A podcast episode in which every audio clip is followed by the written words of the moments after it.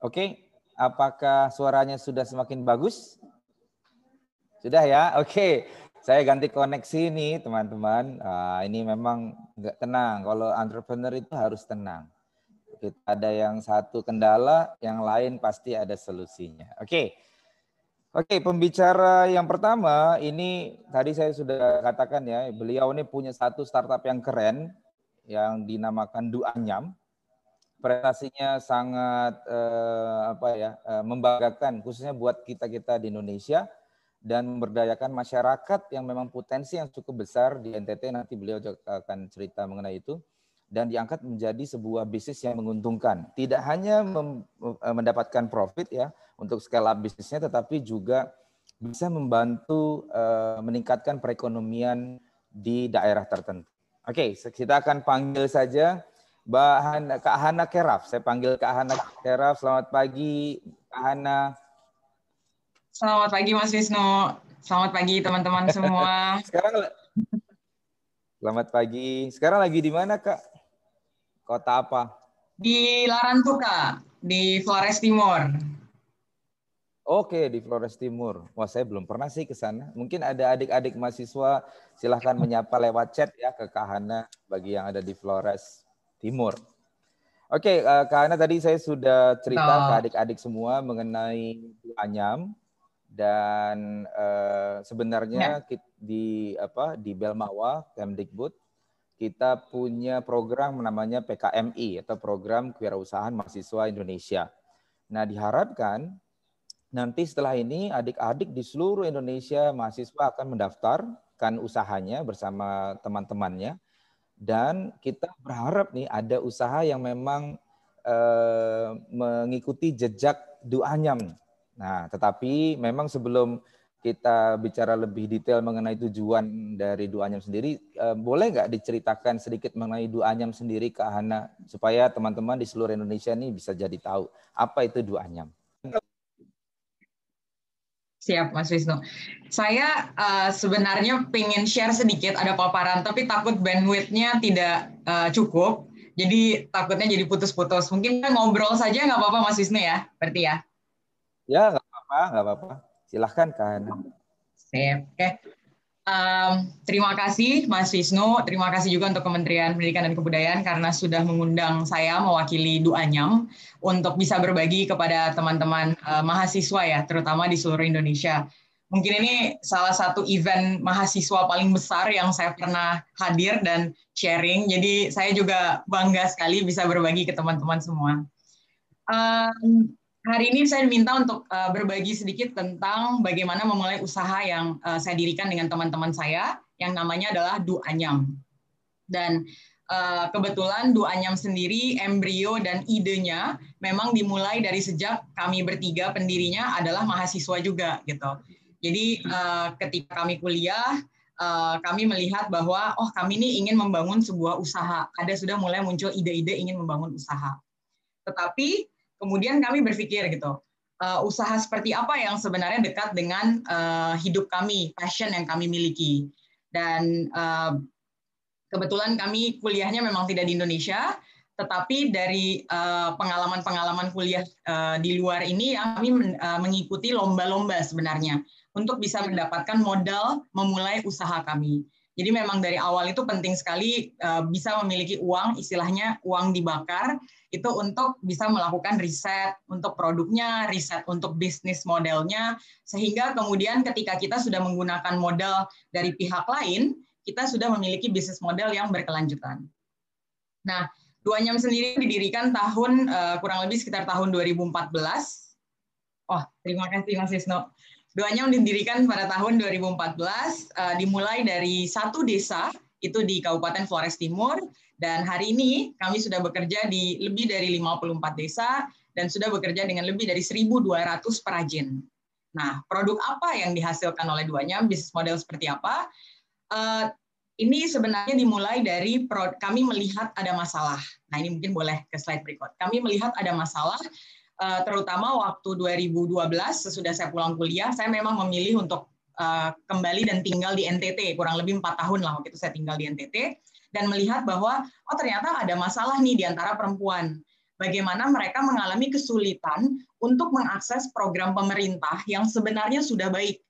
Uh, melahirkan itu gratis kalau kita memiliki surat tanda uh, keterangan tidak mampu. Tapi ternyata ada isu dari desa untuk ke apa fasilitas kesehatan itu ternyata membutuhkan uang tunai atau ketika melahirkan itu masih ada uang tunai yang memang tidak ditanggung dalam program pemerintah seperti makan di ruang di rumah tunggu, makan untuk keluarga yang mendampingi dan seterusnya. Lalu kemudian kita juga melihat waktu itu eh, dan sampai hari ini sebenarnya bagaimana perempuan terutama memiliki keterbatasan dalam opsi pekerjaan. Jadi kalau di NTT itu lebih banyak lebih ke agrikultur untuk antara dimakan, artinya padi atau jagung dimakan, atau kalau ada sisa kemudian dijual. Itu pun butuh eh, biaya yang cukup besar untuk pergi ke pasar dan jualan di pasar. Lalu yang terakhir kita melihat loh kok sebenarnya ada potensi lokal, keterampilan lokal, bahan baku uh, yang banyak, yaitu menganyam dan bahan baku uh, lontar, tetapi tidak memiliki akses pasar. Padahal di, di nasional dan global kita melihat ada permintaan untuk produk-produk kerajinan tangan. Ini ada potensi, ada masalah, kenapa nggak dipertemukan? Di situ kemudian duanya melakukan beberapa kegiatan sehingga bisa memberikan solusi supaya ibu-ibu, terutama di daerah terpencil di Indonesia, memiliki akses terhadap uang tunai. Selain kegiatan dari menganyam ini sendiri, bagaimana kita memberikan akses pasar, kita juga memberikan beberapa program sosial. Kita paham bahwa eh, ada kebutuhan-kebutuhan yang mungkin lebih cepat bisa dibantu dengan hadirnya Duanyam. Kami memberikan misalnya eh, Kabupaten Flores Timur memiliki eh, catatan raport merah untuk kasus stunting. Kami bekerja sama dengan pemerintah kabupaten untuk memberikan eh, paket makanan tambahan, program makanan tambahan menggunakan pangan lokal. Kami juga melihat ada beberapa desa yang ternyata memiliki keterbatasan akses listrik. Anaknya anak-anak penganyam tidak bisa belajar di malam hari. Sehingga kita berkolaborasi dengan pihak lain untuk mendistribusikan lampu surya. Dan ada beberapa program-program sosial lain termasuk sampai ke beasiswa di mana program-program ini merupakan masukan dari ibu-ibu penganyam kepada kami. Eh, kami selalu menanyakan, kegiatan sosial apa sih Ibu yang bisa kami bantu, kebutuhan apa yang bisa kami penuhi, dan ini beberapa kebutuhan yang dimintakan oleh ibu-ibu penganyam kami. Berikutnya, eh, boleh boleh slide berikutnya, sorry. Ya, Eh, dan dua nyam sendiri juga saat ini bukan hanya bekerja di NTT, memang paling banyak kami bekerja adalah di desa-desa di NTT, tetapi kami juga sudah bekerja sama eh, dengan Kementerian Pemberdayaan Perempuan, itu di Nabire, Kabupaten Papua. Yang paling baru tahun lalu kita bekerja sama dengan Badan Restorasi Gambut, misalnya itu di Hulu Sungai Utara, dan berbagai daerah lainnya. Dan ternyata Indonesia itu bukan hanya punya batik yang macam-macam, songket dengan motif yang macam-macam dan bahan yang berbeda-beda. Ternyata Indonesia itu kaya akan serat alam, dan kaya akan motif anyaman yang berbeda-beda. Dan ini yang ternyata belum uh, potensinya diangkat dan ternyata bisa menjadi kekuatan ketika kita memulai sebuah bisnis. Gitu. Oke, berikutnya.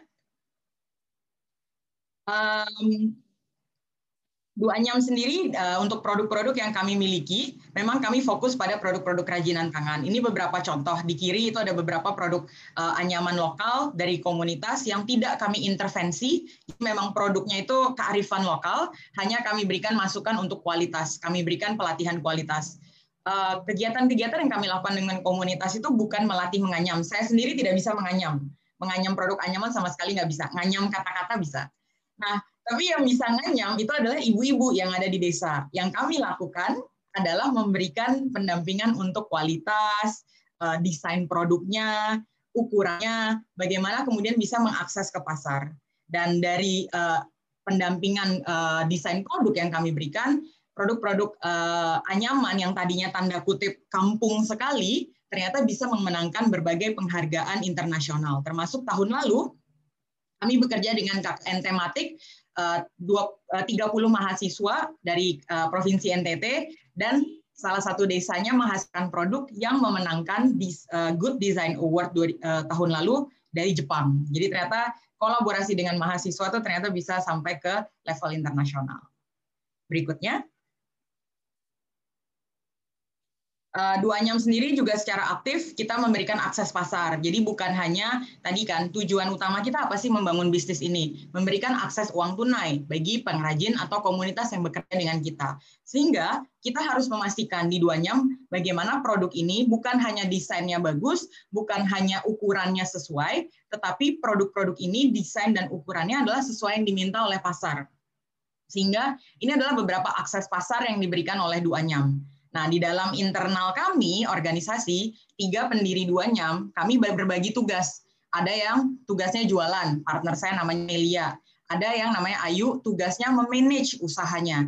Dan yang terakhir ada saya, tugasnya adalah bagaimana membangun komunitas dan bermitra dengan pihak-pihak lain. Gitu. Berikutnya, nah kita juga eh, tahun ini duanya masuk di tahun ketujuh. Tentu sebuah usaha itu tidak boleh uh, cepat puas dan tidak boleh juga uh, mudah menyerah gitu ketika ada hambatan. Kayak tadi Mas Wisnu bilang ada network uh, terkendala, nggak boleh langsung bilang oh uh, ini nggak bisa dilanjutkan, harus mencari cara lain gitu untuk kemudian networknya bisa nyambung lagi. Di duanya pun seperti itu.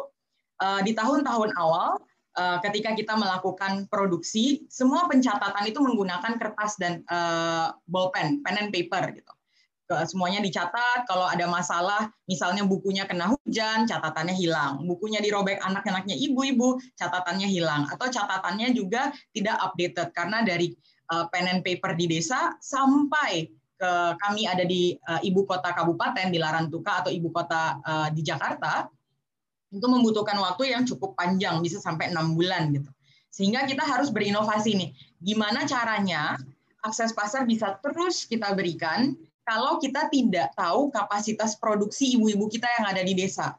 Kalau informasi yang kita dapatkan itu ternyata lama. Sehingga 2018 akhir kita coba berinovasi, memperkenalkan aplikasi. Aplikasi ini bisa digunakan oleh ibu-ibu kami di desa yang bahkan seumur hidup mereka nggak pernah pakai smartphone. Kita coba develop aplikasi yang sangat sederhana sehingga semua data produksi itu bisa input di handphone dan ibu-ibu yang yang nggak pernah pakai smartphone ternyata sekarang ketagihan pakai smartphone bukan hanya untuk sosial media tapi juga untuk aplikasi internal di duanya. Dan ini memudahkan kami untuk ketika masuk di tahun keempat dan kelima untuk bisa berkembang lebih besar lagi. Tahun 1 sampai 3 sampai 4 itu biasanya kita masih uh, uh, membuktikan bisnis model kita. Tetapi ketika kita sudah masuk tahun keempat, tahun kelima, dan seterusnya, itu sudah kita bicara bagaimana caranya bisnis ini bisa terus berkembang. Nah, tahun lalu menghadapi pandemi, kami melihat bahwa UMKM di Indonesia semakin membutuhkan dan ke depannya pastinya semakin membutuhkan teknologi untuk bisa berkembang. Semua itu dilakukan secara jarak jauh, remote gitu istilahnya. Bagaimana monitoring produksi, kita tidak bisa ke desa karena lockdown. Kita harus tahu tapi produksinya seperti apa. Tentu pakai WhatsApp sederhana bisa, tapi kalau misalnya harus dicari, dicari, lalu kemudian misalnya memorinya penuh, WhatsApp-nya harus dihapus dan seterusnya, datanya akan hilang. Merencanakan produksi juga bisa tentu lewat telepon, tapi kemudian dicatat. Tapi lagi-lagi tadi catatan bisa hilang, catatan bisa rusak kalau menggunakan pen and paper. Nah, aplikasi internal kami tahun lalu karena pandemi mulai, kita mulai buat available atau tersedia bagi UMKM lain. Jadi ini salah satu inovasi berkembang scale up dari Duanyam. Kita memperkenalkan digital platform yang dimiliki oleh Duanyam namanya Krealogi. Dan ini bisa digunakan oleh UMKM lain untuk bisa mengembangkan usaha mereka menggunakan pengalaman Duanyam. Bagaimana Duanyam membangun sistem dari desa sampai ke pasar, baik nasional maupun global, dan ini bisa langsung diinput di dalam aplikasi tersebut. Gitu. Berikutnya,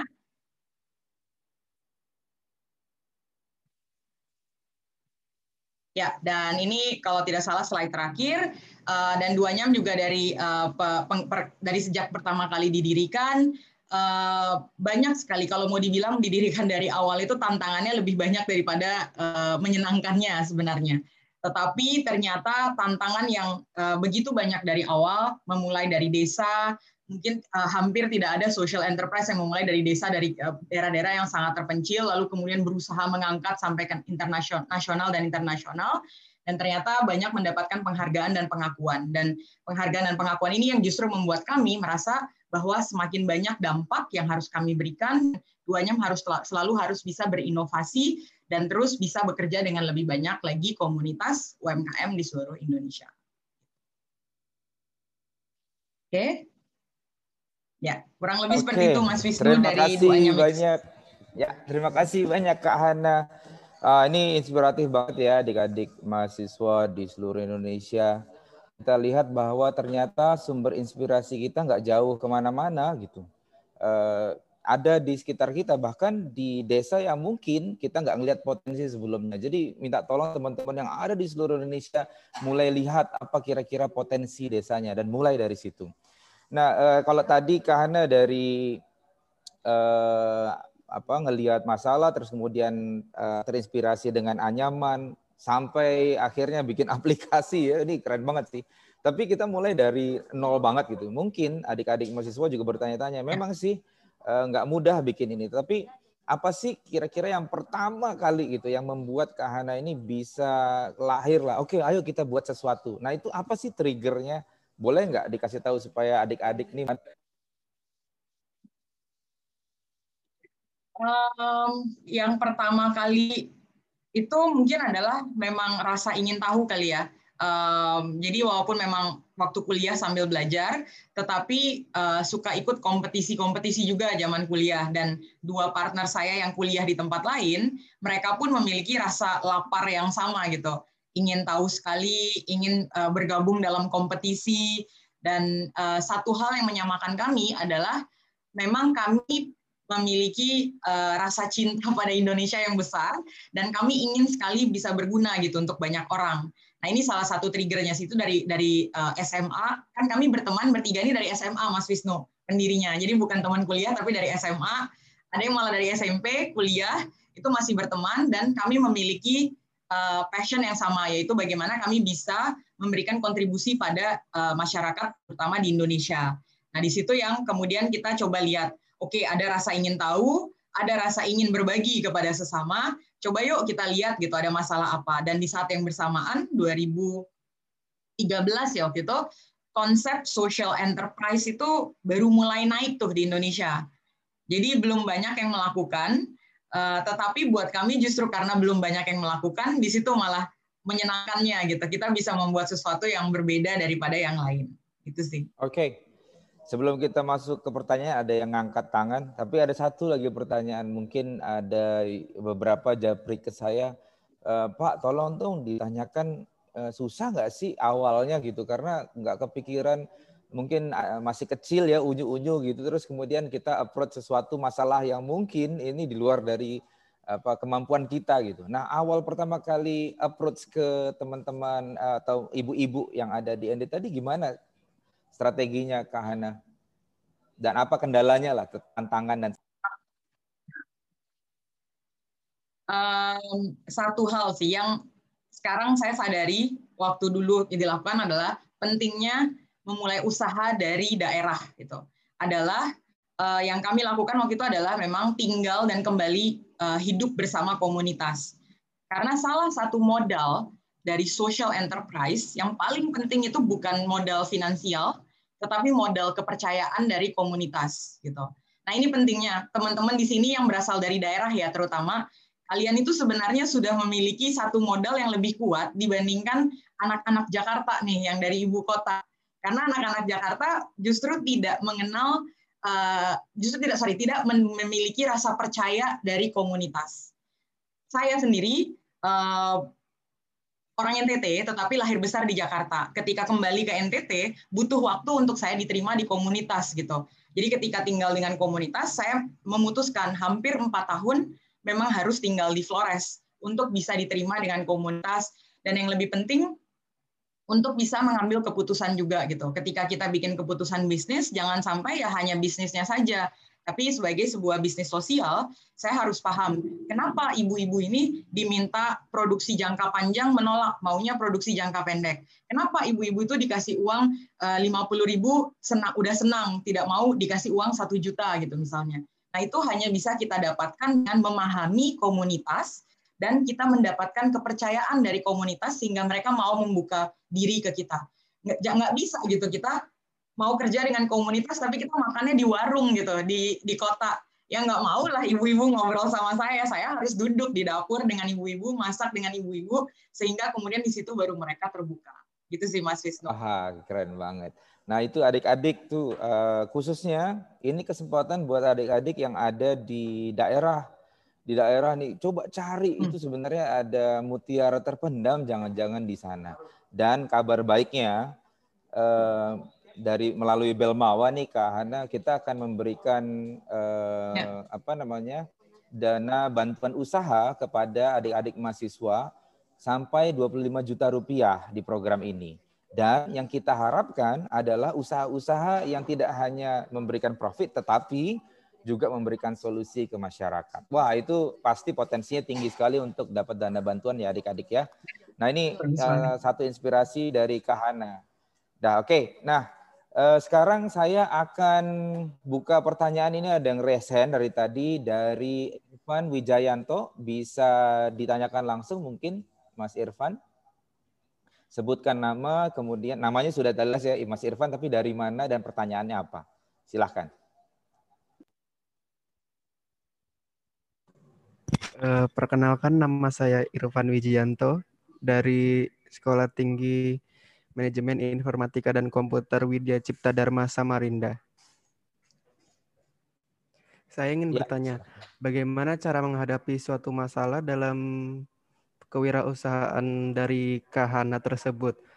Bagaimana cara menghadapinya tersebut agar kita tuh merasa dari masalah tersebut membuat kita meningkatkan semangat. Oke, nah jadi kalau ada masalah supaya semangat gimana? Karena memang banyak sekali mahasiswa Kahana dia sudah banyak masalah, terus kemudian kuliahnya juga eh, apa lagi rumit-rumitnya, terus akhirnya wah capek ah, udah dah ditinggal aja. Nah saya akan langsung saja ya membuka tiga pertanyaan. Jadi eh, Kak Irf, eh, Mas Irfan ditunggu dan juga Mbak Hana juga akan menjawab sekaligus. Yeah. Nah sekal, eh, kemudian yang kedua adalah eh, yang raise hand lagi. Saya akan buka kepada Mas Muhammad Iksan. Silakan Mas Muhammad Iksan eh, dipersilahkan untuk bertanya namanya dan asal universitasnya dan pertanyaannya apa. Silakan. Assalamualaikum warahmatullahi wabarakatuh. Perkenalkan nama saya Muhammad Iksan Yahya dari Universitas Bayangkara Jakarta Raya Kampus Bekasi. Mohon izin bertanya Mbak Hana, eh, apakah reward yang Mbak berikan kepada diri Mbak sendiri setelah berhasil melakukan sebuah langkah awal, Mbak, sebelum lanjut kepada step selanjutnya. Gitu. Wah, ini dia reward nih. Oh, udah capek-capek, udah menyelesaikan masalah. Nah, rewardnya apa? Nah, ini. Oke, satu lagi ya. Satu lagi ada dari YouTube mungkin Kak uh, Dila. Oh, belum ada ya dari YouTube. Silahkan kalau ada pertanyaan. Nanti ada di situ tim dari Belmawa akan copy paste pertanyaannya ke saya. Oke, satu lagi mungkin uh, oke, okay, ini ada lagi. Oke, okay, pertanyaan yang ketiga itu dari uh, dari Mbak Nurul Izah, silahkan. Karena tidak ada pertanyaan yang ada di chat, saya lanjutkan ke Mbak Nurul Iksan, silahkan. Izah, Izah ya, Nurul Izah, silahkan.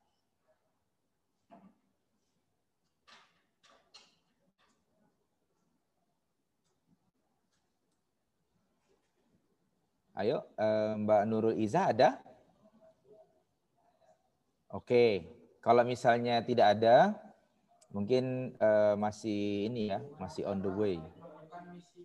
Oh, Oke, oke, ada ada mohon nanti di chat saja ke saya. Ya, oke kita akan jawab dulu ke Hana dari pertanyaan dari Mas Irfan, yaitu berkaitan dengan menghadapi masalah. Nah, Mbak Hana menghadapi masalah Pasti banyak. Gitu. Nah, kemudian bagaimana tuh caranya supaya semangat lagi? Apa kuncinya? Yang kedua, itu berkaitan dengan reward. Nah, kalau sudah semuanya dapat dan sebagainya, rewardnya apa? Silahkan. Ya, terima kasih Mas Wisnu, terima kasih uh, Irfan. Uh, saya jawab yang punyanya Irfan dulu, baru kemudian Iksan ya. Um, yang pertama, masalah yang dihadapi da dalam uh, membangun sebuah wirausaha gitu ya. Uh, yang per sering sekali sebenarnya menghadapi masalah dari awal Dari memulai mencari idenya aja sudah banyak masalah gitu. Sampai hari ini pun dengan banyak sekali support yang diberikan oleh orang-orang dan tim yang baik pun tetap pasti selalu ada masalah. Tetapi eh, kalau saya mau melihat kembali dari dulu sampai sekarang, mungkin satu yang membuat eh, setiap kali terjadi masalah, satu hal yang selalu kami pikirkan adalah purpose atau um, tujuan kami membangun usaha tersebut gitu.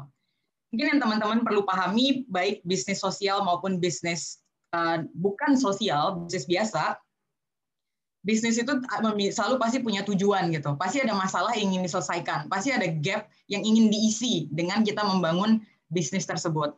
Nah, tujuan kita membangun bisnis ini itu harus sangat kuat sehingga membuat kita selalu kembali pada tujuan ini setiap kali kita merasa ini udah sampai di titik darah penghabisan gitu. Eh, beberapa kali pengalaman dari dua nyam sendiri sampai di titik, wah ini kayaknya udah nggak bisa dilanjutin nih dua nyam nih. Wah ini udah nggak mungkin sih, ini udah nggak mungkin lagi nih. Gitu. Ini udah kita udah coba seribu cara, tetapi udah udah nggak bisa lagi. Nah, selalu yang muncul dalam kepala kami bertiga adalah kalau kami bertiga menyerah, kami bisa mencari pekerjaan lain. Tapi nanti ibu-ibu yang ada 1.200 yang sudah produksi anyaman dan biasa menjual dengan kami itu bagaimana dengan mereka?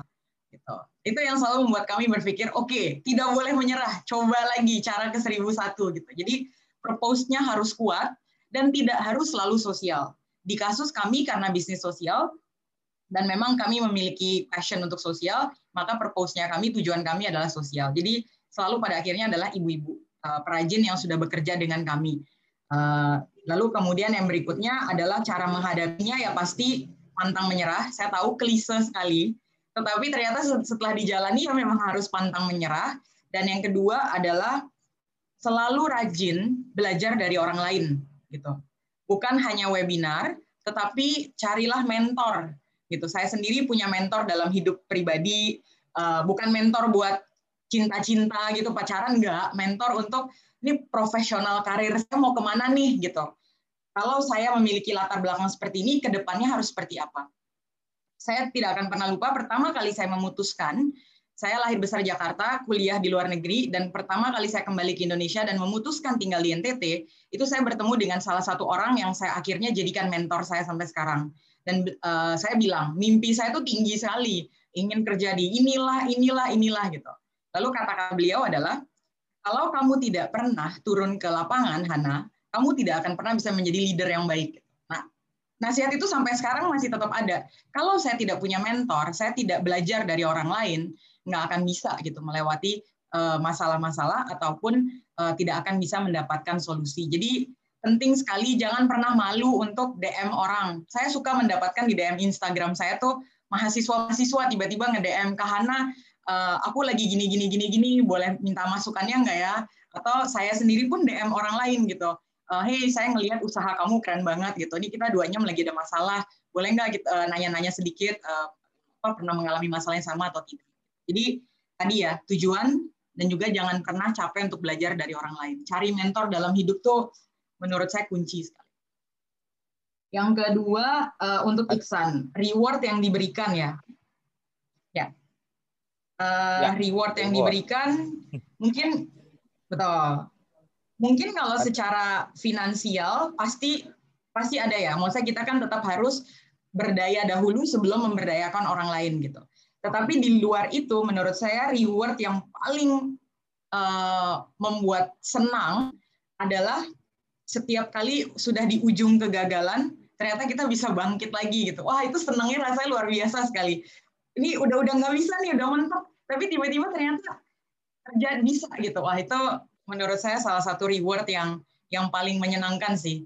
Uh, gimana kita uh, terus berusaha untuk uh, bekerja keras berusaha untuk push through untuk melawan tantangan-tantangan yang ada dan ternyata kita bisa melewati masalah-masalah tersebut gitu. Itu yang yang paling menyenangkan sih menurut saya dari dari uh, semuanya Oke. Okay. Gitu. Terima kasih Kak Hana, jawabannya keren banget ya. Memang uh, tadi mulai dari noble purpose kan ini bocoran juga sih pertanyaan pertama yang memang ditanyakan karena pada saat kita mau mengusulkan proposal itulah apa tujuan mulia Anda. Itu pertanyaan pertama. Itu diharapkan nanti adik-adik dapat inspirasi ya dari Kahana. Oke, saya akan lanjut uh, ke pertanyaan berikutnya karena dan uh, tadi disampaikan karena bisa sampai jam 10.20. Jadi 10.20 sudah uh, harus stop ya. Ya.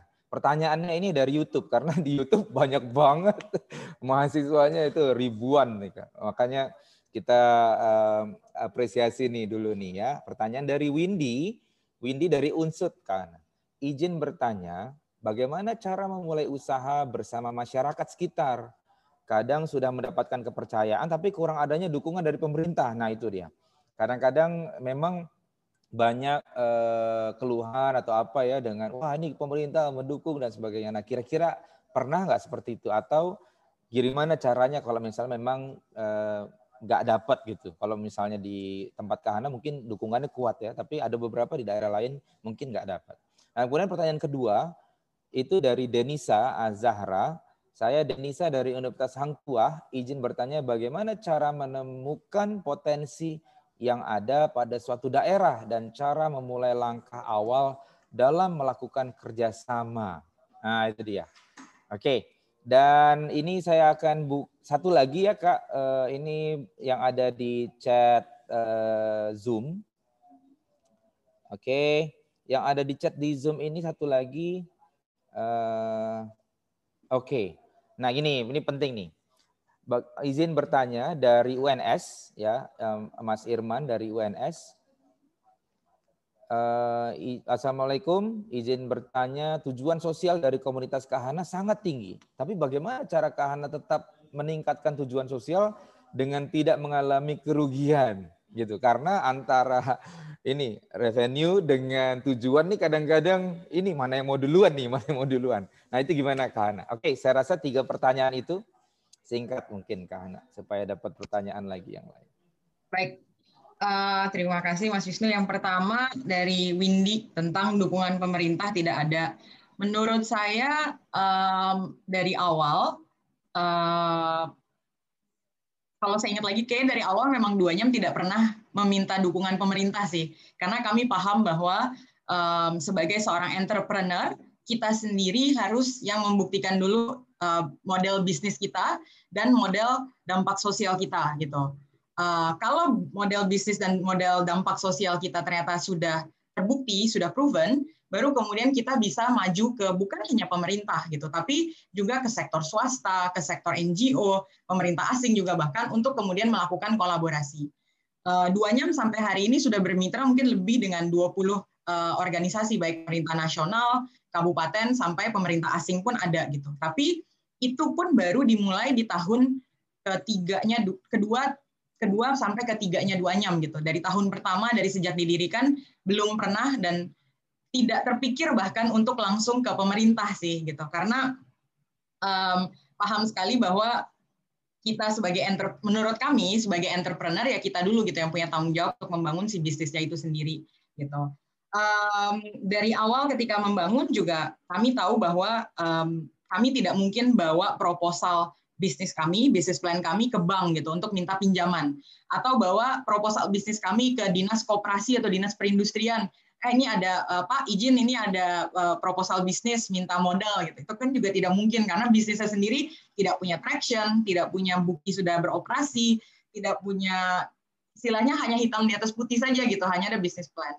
Nah, kemudian akhirnya kami mencari sumber pendanaan yang lain. Kebetulan partner saya saat itu sedang S2 dan kampusnya memberikan lomba untuk social entrepreneurship dan kami memenangkan uang tersebut. Nah ini kayaknya mirip nih sama programnya di sini Mas Wisnu ya. Jadi memang bisa mendapatkan modal dan modal itu yang kami gunakan dari awal sekali mendirikan dua nyam. Jadi bukan dana pemerintah, bukan dana pinjaman, tapi memang hasil mengikuti lomba social entrepreneurship. Kenapa lomba?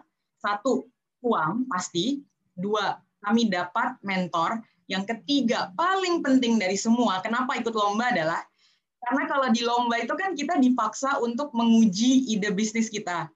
Pasti akan ditanya oleh juri kan, diinterview oleh juri, dipertanyakan, dikasih kritikan, diberi di, uh, ditanya-tanya lah gitu. Nah, ketika kita ditanya itulah yang membuat bisnis model bisnis plan kita menjadi lebih bagus lagi, lebih bagus lagi, lebih bagus lagi.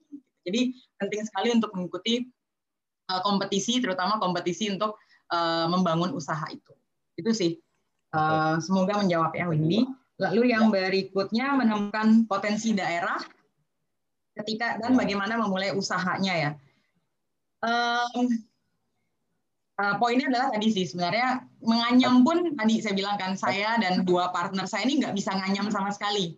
Uh, kami hanya bisa tadi kan nganyam kata-kata aja gitu. Tapi kami tahu bahwa bisnis kami ini harus menyelesaikan sebuah masalah, yaitu akses terhadap uang tunai bagi ibu-ibu. Gimana caranya akses uang tunai ini? Nah, kemudian ya kita melakukan survei waktu itu 2013 saya ingat sekali. Kami melakukan survei, pergi ke pasar, pergi ke panti jompo, pergi ke biara, pergi ke desa-desa dan seterusnya, ketemu dengan sebanyak-banyaknya ibu-ibu, minta data juga dari pemerintah, datang ke BPS, Dinas Perindustrian, Koperasi, Pariwisata dan seterusnya, Bapeda, lalu menanyakan gitu, apa sih kira-kira potensi yang ada. Dan dari situ kita mengerucutkan. Ternyata selain agrikultur ternyata ada yang banyak juga dilakukan oleh perempuan adalah tadi menganyam dan menenun. Dan antara menganyam dan menenun kami harus memilih mana yang lebih cocok dengan bisnis model kami dan uh, dampak sosial kami. Dampak sosial yang ingin kami berikan adalah uang tunai yang lebih cepat bagi ibu-ibu. Ternyata anyaman lebih cocok daripada menenun. Menenun ini butuh waktu sedikit lebih lama dibandingkan menganyam. Sedangkan produk anyaman yang kecil saja mungkin sekitar sebesar ini, itu mungkin hanya 2-3 jam saja sudah selesai dan ibu-ibu sudah bisa mendapatkan uang tunai. Itu sih. Jadi memahami dulu solusi uh, masalah apa yang ingin kita selesaikan. Yang terakhir, nah ini pertanyaan yang paling menarik. yang lain juga menarik, tapi ini pertanyaan yang setiap hari saya hadapi. Itu adalah bagaimana membalance antara sosial dan bisnis gitu. Um, ini seperti ayam dan telur ya, tidak tidak ada yang lebih dulu gitu. Ini selalu jadi pertanyaan sosial dulu, bisnis dulu, sosial dulu, bisnis dulu gitu.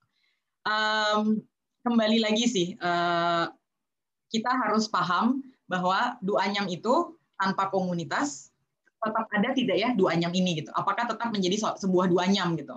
Ternyata kalau tanpa komunitas, kalau kami kemudian uh, pindah dan bikin mesin, bangun manufacturing, buka pabrik di Jawa sana misalnya, itu ya dua anyam bukan dua anyam gitu. Kami akan bikin PT baru yang bukan bukan PT dua anyam ini yang kerjanya adalah bisnis sosial. Jadi banyak sekali dari hampir tujuh tahun dua anyam berdiri eh, godaan-godaan untuk membangun sebuah usaha yang lebih besar daripada dua jam saat ini.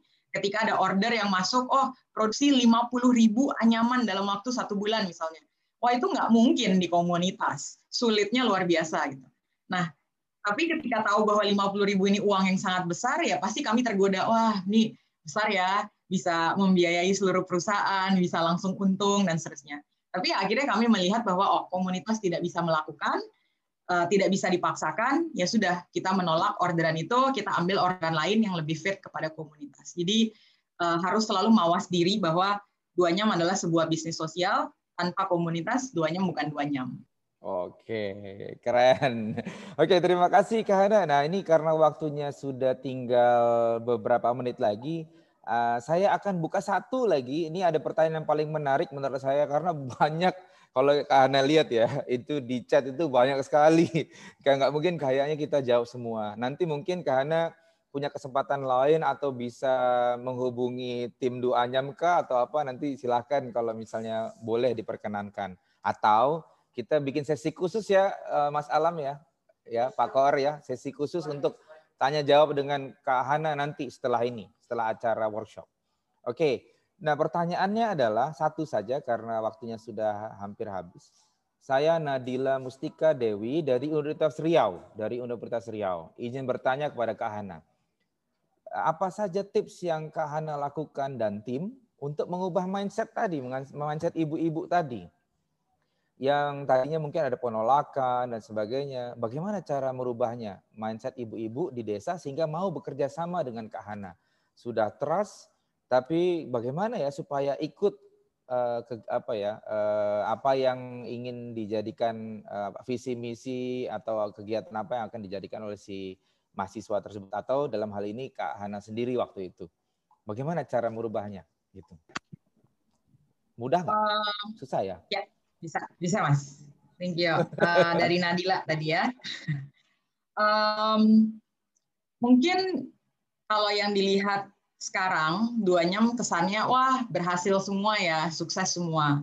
Di balik semua cerita yang bagus sekali ini, banyak sekali penolakan pastinya dari komunitas, dari misalnya jangankan dari ibu-ibu gitu, dari suami-suaminya ibu-ibu aja kami pernah ditolak, dimarahi. Ini istrinya kerjanya nganyam, harusnya nyuci piring atau apa. Jadi istrinya nggak boleh nganya lagi dengan kita itu ada.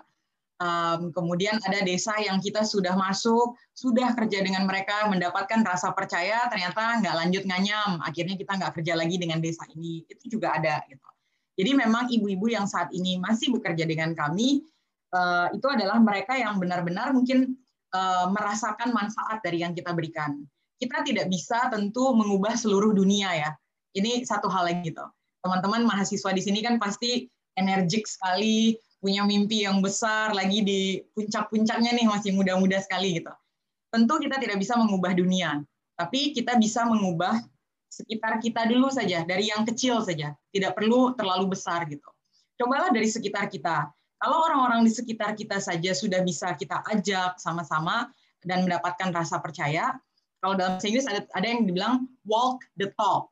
Artinya apa yang kita ngomong ya kita jalani gitu. Jangan kita minta komunitas melakukan A terus kitanya tidak melakukan itu gitu. Itu tidak boleh. Jadi uh, selalu harus menjalani apa yang kita minta juga dari ibu-ibu. Kalau misalnya saya bilang ke ibu-ibu misalnya oke okay, ini produksi harus dicoba sampai seperti ini ini ini ini gitu. Terus ternyata saya menjalani dua nyamnya juga saya menyerah ogah-ogahan males-malesan. Ya saya jadi ibu itu juga saya nggak mau kerja bersama duanya ngapain dia cuma nyuruh nyuruh saya gitu. Jadi um, apa pun yang kita bilang apa pun yang kita rencanakan ya benar-benar harus kita jalani gitu. Kita menjadi contoh untuk orang-orang yang ingin uh, kita ubah tapi lagi-lagi juga saya ingin tekankan ke teman-teman gitu. Mungkin dari sharing ini kesannya indah sekali menjalankan dua jam menyenangkan sekali menjalankan dua jam tapi lagi-lagi ini kembali ke pertanyaan dan jawaban yang saya berikan ke Irfan tadi nomor satu, bagaimana sebenarnya lebih banyak beratnya, lebih banyak penolakannya, lebih banyak rasa ingin menyerahnya, tetapi rewardnya bagaimana kita bisa melewatinya, bagaimana masyarakat percaya pada kita, ibu-ibu menggantungkan hidupnya pada kita. Contoh kayak sekarang ada 270-an anak-anak yang mendapat beasiswa dua nyam wah 10 tahun yang lalu saya disuruh bermimpi bisa memberikan beasiswa untuk anak-anak Indonesia tuh nggak pernah saya kemimpi gitu. Nah itu kan menyenangkan sekali gitu, bisa berguna buat banyak orang. Ini yang uh, saya ingin tekankan gitu bahwa membangun usaha tidak akan pernah mudah, pasti akan ditolak, pasti akan ingin menyerah berkali-kali, tapi ya yang bisa kita lakukan cari tujuan dan pantang menyerah. Oke, terima kasih banyak Kak Hana untuk sesinya dan ini sepertinya pertanyaan terakhir ya adik-adik. Eh, nanti mungkin eh, kalau misalnya boleh mm, ada kesempatan lagi nanti eh, kita akan ini kayaknya pertanyaan banyak banget ya. Jadi kita kayaknya perlu deh adakan sesi lagi nanti khusus untuk tanya jawab pada saat nanti setelah teman-teman ini ya mengajukan proposal ya. Oke. terakhir Kahana terakhir sebelum Kahana pergi dari forum ini uh, boleh nggak kasih pesan-pesan buat adik-adik di seluruh Indonesia ini supaya mereka tuh tetap semangat dan selalu peduli terhadap apa yang ada di lingkungan sekitarnya. Silahkan Kak Hana, boleh nggak dikatakan? Um, bisa Mas Wisnu. Mungkin karena saya lihat juga lebih banyak yang ada di daerah ya, bukan di Jakarta. Um, lama sekali saya kerja di NTT dan saya merasa bahwa sebenarnya Eh, teman-teman sekalian yang memang putra-putri daerah itu justru memiliki nilai lebih dibandingkan eh, anak-anak muda yang ada di Jakarta. Dalam artian ide ber, uh, untuk membangun bisnis, uh, berinovasi, uh, mendapatkan kesempatan untuk menantang diri sendiri, melawan masalah, itu justru lebih menyenangkan di daerah gitu. Ini yang saya rasakan gitu, hampir 8 tahun kerja di daerah. Uh, saya malah pandemi kemarin satu tahun ada di Jakarta tuh ya rasanya suntuk sekali uh, mentok benar-benar yang di rumah di rumah di rumah terus nah ini saya kebetulan baru Januari kemarin ke Flores dan saya merasa saya kok lebih produktif di NTT gitu dibandingkan ada di Jakarta. Jadi um, manfaatkan kesempatan yang ada, terutama program-program dari pemerintah maupun dari kampus yang ada, yang bisa memberikan teman-teman kesempatan untuk menguji coba ide bisnis maupun ide dampak sosial yang teman-teman miliki. gitu. Rajin-rajinlah mencari kesempatan selagi menjadi mahasiswa. Yang kedua, yang saya tidak pernah berhenti juga bilang ke anak-anak magang yang ada di Duanyam adalah selagi menjadi mahasiswa itu cari pengalaman kerja sebanyak mungkin gitu. Kuliah penting, saya setuju. Tidak mungkin kuliah itu tidak penting.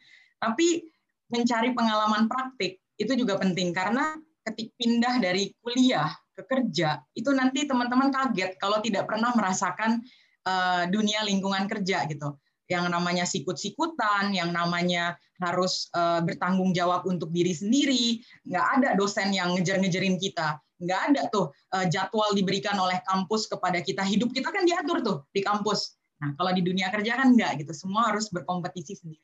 Carilah pengalaman kerja sebanyak mungkin uh, selagi masih ada di masih menjadi mahasiswa. Nanti pada saat kemudian keluar bisa memulai usaha sendiri atau cari pengalaman 1 2 tahun kerja dengan orang lain baru memulai usaha sendiri itu juga boleh.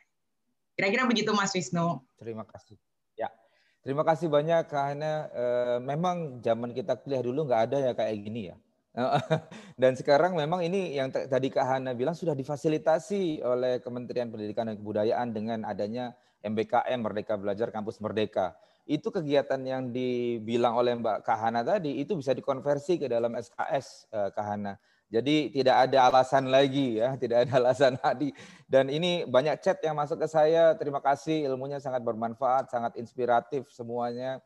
Terima kasih untuk Kak Hana untuk memberikan inspirasi kita di pagi hari ini dan mudah-mudahan uh, ini bisa apa ya memberikan apa ya uh, virus-virus ya jangan virus COVID aja tapi ini pandemi khususnya uh, ini apa kewirausahaan sosial gitu. Oke. Okay? Jadi terima kasih atas uh, waktunya karena kesempatannya juga yang diberikan ke kita semua mahasiswa dan teman-teman yang ada di seluruh Indonesia untuk ketemu langsung dengan Kak Hana dan berharap setelah ini kita akan ketemu lagi ya Kak ya. Nanti pokoknya saya todong Siap, lagi untuk ketemu ya. Setuju ya teman-teman ya. Itu karena banyak sekali pertanyaan-pertanyaan. Oke. So, terima kasih kembali. Siap, eh, terima kasih banyak ya kok. Terima kasih kembali. Terima kasih banyak. Eh, sehat-sehat Kak Hana di sana dan salam buat keluarga yang Terima ada kasih. di Flores ya. Siap. Saya belum pernah ke sana, mudah-mudahan setelah pandemi kita bisa ke sana semua ya. Bapak Ibu yang ada di sini Siap, ya. Ditunggu. oke. okay. ya, oke. Okay. Terima kasih banyak. Siap. Sampai Terima ketemu kasih. lagi. Terima ya. kasih banyak Mas Wisnu. Terima kasih semua. Selamat pagi. Terima kasih. Ya. Pagi, selamat pagi. Oke, okay. oke. Okay. So terima kasih eh, Kak Hana tadi sudah menyampaikan dengan baik, baik sekali. Ya ini menginspirasi ya buat kita semua. Ini merinding semua nih eh, sekujur tubuh nih karena mendengar wah ini tujuannya keren banget. Ditambah tadi kita sudah dapat wejangan-wejangan, sudah dapat apa yang di apa diceritakan oleh Kak Hana tadi. Intinya eh, nanti teman-teman akan ini tadi saya catat beberapa nih yang serunya. Tujuan mulia ya, tujuan mulia itu menjadi penting karena itu akan menjadi apa ya, tenaga kita supaya kita terus maju apa pun masalah yang ada di depan. Sehingga ini teman-teman dapat ya sesuatu tujuan mulia yang kemudian nanti teman-teman akan masukkan ke dalam uh, proposal atau isian yang ada di khususnya di KBMI dan juga di ASMI. Tujuan mulia juga ada yang kita sebut sebagai big vision gitu. Ada di pitch deck di dalam ASMI. Kemudian jangan lupa teman-teman pesan dari adik-adik eh maaf dari Kahana tadi mentor, oke? Okay? Ada mentor yang teman-teman nanti akan eh, juga uh, kita pertemukan dengan CEO Academy dan juga Kahana tadi Japri, wah tenang Mas, nanti kita ketemu lagi katanya gitu. Kemudian uh, bisnis model ya, setelah ada tujuan teman-teman bikin bisnis model dan jangan lupa tadi ya terjun ke lapangan langsung. Oke? Nah, berkaitan dengan itu, nah kita akan panggilkan narasumber berikutnya. Nah, ini uh, salah satu atau dua orang ini inspiratif, nggak kalah inspiratifnya adik-adik. Karena ini uh, mereka berdua baru lulus dari universitas masing-masing. Ye, akhirnya lulus ya. nah ini aktif sekali ini uh, mahasiswa dan mahasiswa gitu jadi ada wanita, ada pria dan kita ada di berbeda pulau. Ya, yang satu di Semarang atau sekarang lagi ada di Belora, yang satu lagi ada di Kalimantan di Balikpapan.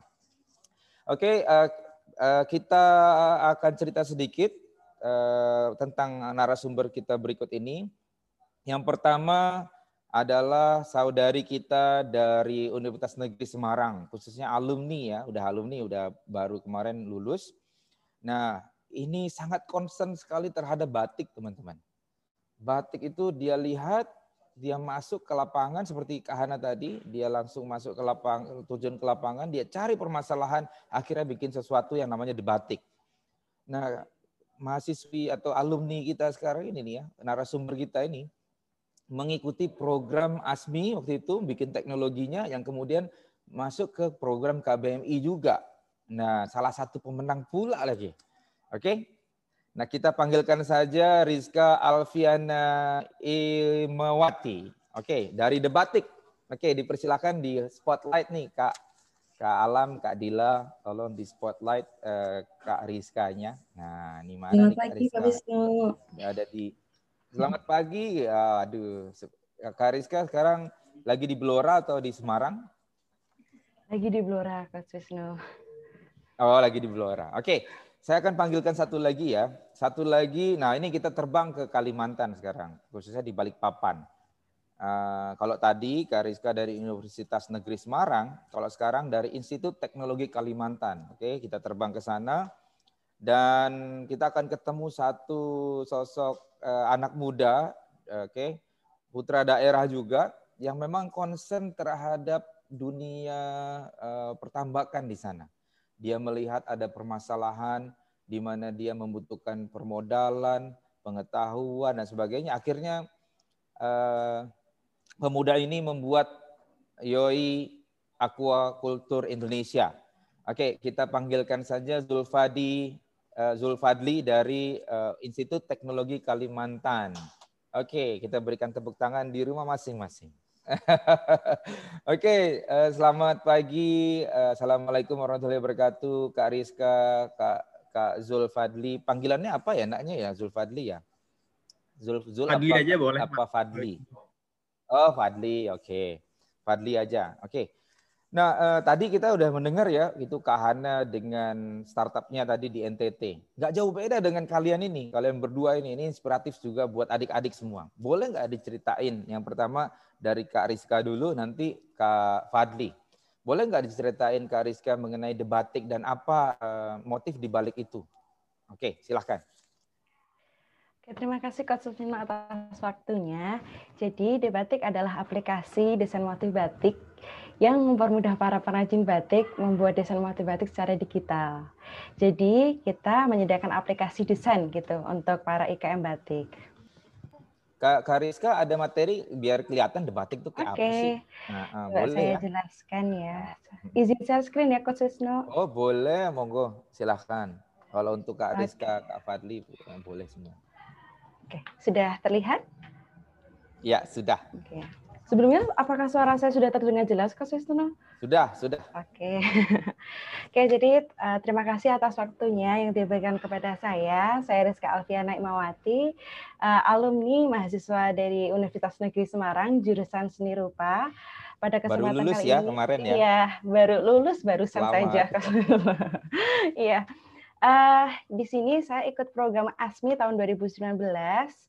Alhamdulillah tahun 2019 saya mendapatkan juara 4 di tahun 2020 saya lanjut di program KBMI dan alhamdulillah di Batik mendapatkan juara satu di di sektor uh, digital. Jadi uh, terima kasih atas uh, program ASMI dan KBMI Pak Coach Wisnu dari Stek sangat membantu sekali untuk kami mahasiswa khususnya yang sedang uh, berbisnis. Nah, di sini saya akan menjelaskan tentang Debatik. Debatik adalah tadi aplikasi desain motif batik yang mempermudah para pengrajin batik membuat desain motif batik secara digital. Nah, jadi kami awal mulanya di tahun 2017 hingga tahun 2018. Tadi Kak Hana kan sudah tujuh tahun berjalan dan di tahun 2012.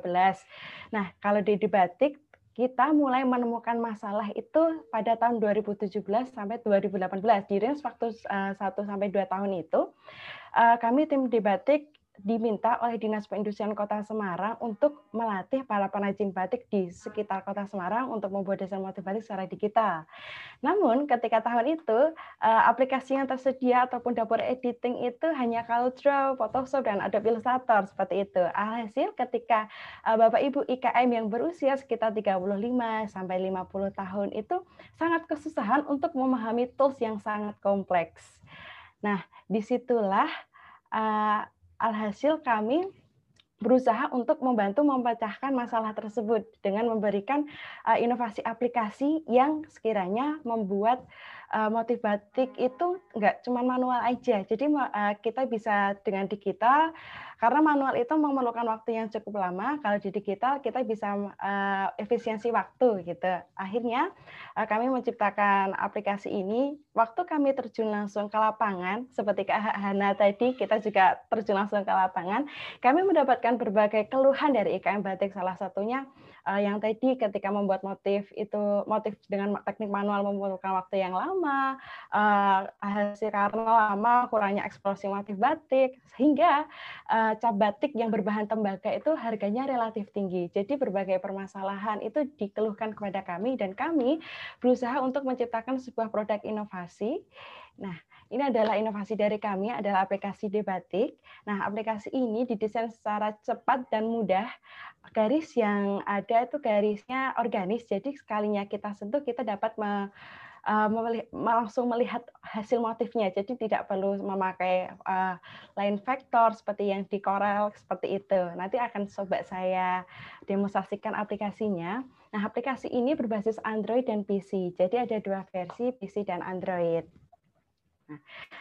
ini adalah fitur dari aplikasi kami. Jadi beberapa fitur yang tersedia itu benar-benar sesuai dengan kebutuhan para IKM.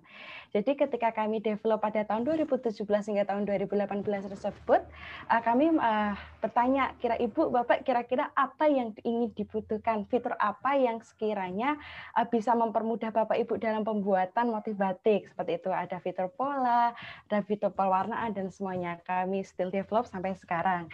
Ini adalah salah satu dari dari hasil motif batik di dari debatik. Jadi kami mampu menghasilkan motif batik sedetail mungkin. Bahkan isen-isen kalau di batik ada isen-isen ya Kak Wisnu, titik-titiknya itu uh, bisa terlihat dengan jelas seperti itu. Nah, coba saya jelaskan di aplikasinya. Oke.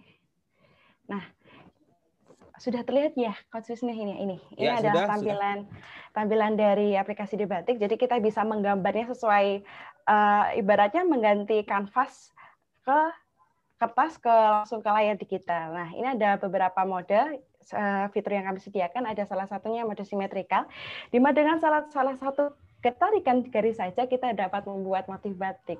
Dengan hanya hitungan per detik saja, para IKM nantinya akan bisa menghasilkan motif-motif yang baru. Dan dengan satu kali klik saja kita dapat melihat polanya. Kalau kita dibandingkan dengan color draw, itu pasti mereka akan kesusahan untuk menempel pattern-patternnya. Nah, untuk pewarnaannya pun juga demikian. Oke. Okay. Lalu, ini adalah beberapa dari produk kami.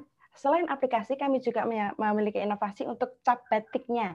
Cap batik yang berbahan tembaga itu harganya relatif mahal dan pembuatannya eh, pembuatannya itu memerlukan proses waktu yang cukup lama juga. Alhasil, kami memberikan sebuah inovasi cap batik yang berbahan pla ABS, ada 30% kandungan tembaganya. Eh, di sini ketika para IKM eh, dapat menggunakan cap batik ini para IKM mendapatkan benefit efisiensi harga dan efisiensi waktu. Jadi cap batik ini harganya jauh lebih murah daripada cap batik tembaga dan waktu proses pembuatannya juga jauh lebih cepat seperti itu. Ini ada traction kami di tahun 2019, 2020 hingga tahun 2021 tahun ini. Insya Allah kami bersama Kementerian akan mengikuti pameran Hannover Messe di Jerman secara virtual. Karena pandemi akhirnya acaranya di virtual Kak Wisnu. Nah, ini adalah tim kami mahasiswa dari Universitas Negeri Semarang orang dari berbagai jurusan. Ini adalah tim kami, ada Bapak Wandah Wibawanto sebagai founder dan developer Debatik, dan Ibu Dwi Wahyuni Kurniawati sebagai dosen pembimbing kami. Uh, sekarang presentasi saya, saya di batik mudah pakainya unik hasilnya. Ini ada okay. Instagramnya ya. yang bisa dihubungi hubungi Kak Sisno. Oke, okay, thanks a lot. Terima kasih banyak Kak Rizka. Wah ini memang inspiratif yang nggak kalah serunya. Ini kalau tadi, ini baru beberapa tahun tadi eh, Kak Rizka baru berjalannya 2019 ya. startnya. Oh, 2019 ya. Iya. Ya, ini udah memberikan dampak bagi masyarakat sekitar nih. Tadi uh, lebih cepat, efisien waktunya dan juga lebih murah gitu. Iya. Dan uh, itu kalau nggak salah saya udah pernah lihat sih hasilnya dengan digital printing uh, keren banget. Bukan digital printing apa? Uh, 3D printing kok 3D, iya. 3D printing ya. Itu uh, cetakannya dipakai 3D printing itu saya pernah lihat. Oke, sekarang kita beralih ke Kalimantan nih. Uh, sekarang lagi di balik papan Kak uh, Kak Fadli. Lagi di balik papan atau di mana? Iya, coach lagi di balik papan. Oh iya, lagi di balik papan. Oke, okay. Uh, eh, boleh cerita sedikit gak Kak Fadli mengenai uh, Yoi Aquaculture atau ini sebenarnya benar nggak sih ucapannya saya atau ini singkatan? Oke, okay, silahkan diceritakan ya Kak Fadli ya. Oke, terima kasih Coach Wisnu. Boleh izin share screen Coach? Boleh, boleh silahkan.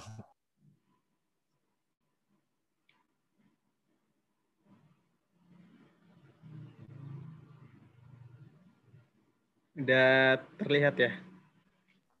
Ya, ini ya, cool. Ini ada ada fotonya Kak Fadlin.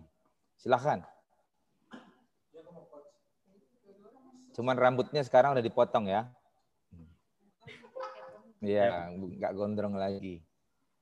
Udah ini ini gara-gara start ini kan kemarin ini ya alumni ASMI juga ya Kak Kak Fadli ya. Ya, betul. Ya. Oke. Okay. Sip. Oke, okay, Assalamualaikum warahmatullahi wabarakatuh. Waalaikumsalam. Terima kasih uh, Coach Wisnu dan uh, tim dari Belmawa semuanya. Ya perkenalkan nama saya Fadli.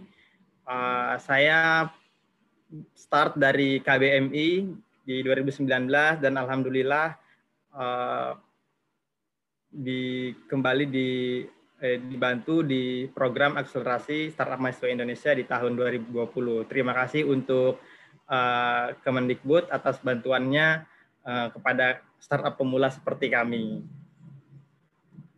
Uh, ya saya mahasiswa Kalima di Institut Teknologi Kalimantan. Sebenarnya lulus sih belum. Insya Allah di Maret ini akan uh, akan wisuda doakan semoga semua berjalan dengan lancar. Uh, saya akan sedikit cerita bahwa saya sangat tertarik dengan bisnis ataupun entrepreneurship itu sejak saya maba. Nah, sudah tiga tahun saya menggeluti usaha di bidang industri perikanan ini. Salah satunya adalah YOI Aquaculture. Nah, YOI Aquaculture ini adalah sebuah platform urun dana proyek budidaya perikanan yang uh, terintegrasi seperti itu. YOI Aquaculture di sini uh, hadir untuk membantu mempercepat kesejahteraan para petambak-petambak di daerah ya khususnya di daerah saya di Indonesia bagian tengah dan kita uh, goalnya adalah mempercepat uh, kesejahteraan petambak di Indonesia tengah dan ke timur nanti insya Allah. Nah dengan cara apa? Dengan cara membantu menghubungkan para petambak dengan sumber daya yang mereka butuhkan gitu. Uh, apa aja sih yang mereka butuhkan nah gitu kan nah mereka itu uh, butuh butuh pasar butuh butuh modal juga seperti itu nah agar lebih terbuka uh, akses pendanaan dan permodalannya dan akses pasarnya juga di sinilah Yoi Aquaculture hadir nah inilah yang kami lakukan uh, dengan cara pendampingan secara langsung dan intensif melibatkan banyak pihak seperti masyarakat, mahasiswa, dosen, pemerintah, uh, pengusaha juga, pelaku industri, uh, hingga investor gini. Walhasil, alhamdulillah, mitra petambak Yoi Aquaculture yang semula hanya bisa produksi dengan kapasitas uh, tambak itu 300 kilo dengan masuknya Aquaculture berkolaborasi bisa meningkat uh, menjadi satu ton ataupun lebih dengan cara uh, ya tadi berkolaborasi dan semangat gotong royong. Nah, saat ini Coach uh, Yoyo Aquaculture telah berhasil mengumpulkan satu miliar dana yang kami salurkan di 10 proyek budidaya perikanan di Kalimantan Timur di tiga, di tiga desa di Balikpapan. Jika nanti teman-teman ingin melihat secara jelas apa itu Yoyo Aquaculture juga bisa kunjungi websitenya di www.yoyoaquaculture.com ataupun ke Instagramnya di uh, Yoi Aquaculture Indonesia. Mungkin segitu dulu Coach yang bisa saya share tentang Yoi Aquaculture. Oke, terima kasih Kak Fadli, uh, Kak Ariska. Keren-keren banget nih, lihat aja tuh di chat ya, tuh semua keren-keren banget sih Kak gitu. ya iyalah, ini memang apa namanya uh, berharap nih teman-teman bisa juga seperti ini karena ini tidak dari ini ya, tidak dari hanya akses apa ke sumber daya sumber daya seperti di kota, tapi ada juga di daerah yang memang tadi seperti Kahana dia punya apa potensi yang kemudian diangkat oleh adik, adik eh, kakak-kakak ini ya. Oke. Oke, ini mohon maaf teman-teman ada feedback sedikit. Oke. Okay. Hebat Kak Zulfadli katanya gitu ya. Tapi penggemarnya cowok semua kayaknya Kak Fadli. ya, bercanda ya Kak Fadli ya. ya. Oke, itu ada Kak Mayang. Oke. Pertanyaan yang pertama mungkin dari saya. Nanti teman-teman kalau ada pertanyaan silahkan uh, ini ya, silahkan chat atau raise hand. Nah, tapi yang sekarang nih saya ingin uh, tanya kepada kakak-kakak sekalian waktu pertama kali gitu ya, pertama kali tercetus apakah memang lebih ke apa eh, panggilan hati atau mungkin ada trigger lain seperti ada tugas atau apa gitu. Kalau di di teman-teman sekalian seperti apa? Di eh, Kak Rizka dan Kak Fadli seperti apa? Boleh nggak? Setelah ini baru kita eh, ini ya yang resen kita silahkan. Kak Rizka dulu mungkin. Baik, Kak Wisnu. Ini yang menjawab. Oh, Kak, kayak saya dulu. Uh, izin menjawab. Jadi, uh, saya merasa karena mumpung saya masih muda, kita kan masih muda semua ya Kak Wisnu, masih iya. mahasiswa, itu tenaganya masih banyak, waktunya juga masih luang. Uh, saya berprinsip masih muda, sedini mungkin, mari kita manfaatkan potensi diri, dari dalam diri kita, seperti itu. Jadi, uh, karena kita juga masih memiliki energi yang sangat banyak, berusaha saya berpikir untuk uh, gimana sih caranya berpikir kreatif, inovatif, inovatif. Jadi kayak ke depannya nanti uh, kami bis, generasi penerus bangsa nih bisa menghasilkan sesuatu yang baru untuk Indonesia gitu. Jadi jadi dalam diri saya sendiri saya tekankan prinsip untuk memanfaatkan potensi diri sebaik mungkin. Seperti itu, Kak Sus. Oke, kalau misalnya Kak Fadli. Nah. Saya uh, sambil share screen lagi boleh ya, Coach? Boleh, boleh banget. Silahkan. Ya, jadi uh, kalau kenapa sih saya berwirausaha atau uh, apa tujuan mulianya gitu, Coach ya? Nah ini uh, uh, jadi saya itu ini cerita sedikit ya, Coach curhat nih. Nah, saya semasa uh, kecil itu sampai lulus SMK tinggal di wilayah pesisir di Kota Bontang. Nah, sebuah kota kecil di Kalimantan Timur. Saya uh, banyak punya teman anak nelayan, Skut. Uh, petambak gitu misalkan. Uh, jadi meskipun uh, orang tua saya bukan nelayan, tapi uh, uh, jadi orang tua saya itu cuman buruh harian gitu, Coach. Karena Kota Bontang itu adalah kota industri seperti itu. Nah, Nah, saya melihat uh, nelayan ini, anak nelayan ini, uh, kok satu sosialnya kok dipandang rendah gitu ya. Mohon maaf nih, uh, lebih dikenal identik dengan putus sekolah, gitu kan, tipikalnya nya keras, gitu karakternya, bahkan sampai lingkungannya itu ada yang sebagian kecil ada yang terjerat narkoba seperti itu di tempat saya. Intinya di di sini bahwa para nelayan dan petambak ini uh, hidup di bawah garis kesejahteraan. Uh, padahal potensi laut uh, Indonesia ini kan seperti yang kita tahu bersama melimpah gitu kan Gus ya. Lahan budidaya pun luas di Indonesia sendiri uh, hanya 20% saja yang baru digarap. Seperti itu. Jadi 80%-nya belum tergarap. Saya tergerak nih hati saya untuk apa sih yang saya bisa lakukan uh, untuk memajukan masyarakat pesisir. Nah, kebetulan saya punya hobi tuh jalan-jalan di beberapa uh, ya jalan-jalan tanpa tujuan begitulah.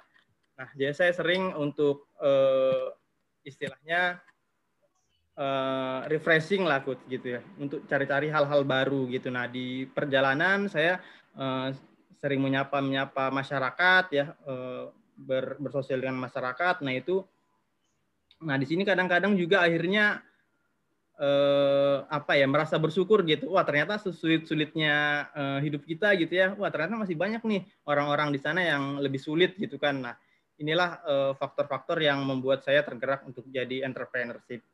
Wow, uh, kalau di balik papan yang saya lihat itu banyak sekali uh, lahan yang yang yang tidur gitu yang belum dimanfaatkan. Terus uh, petambaknya pun itu uh, masih tradisional, terus kapasitas produksinya kecil.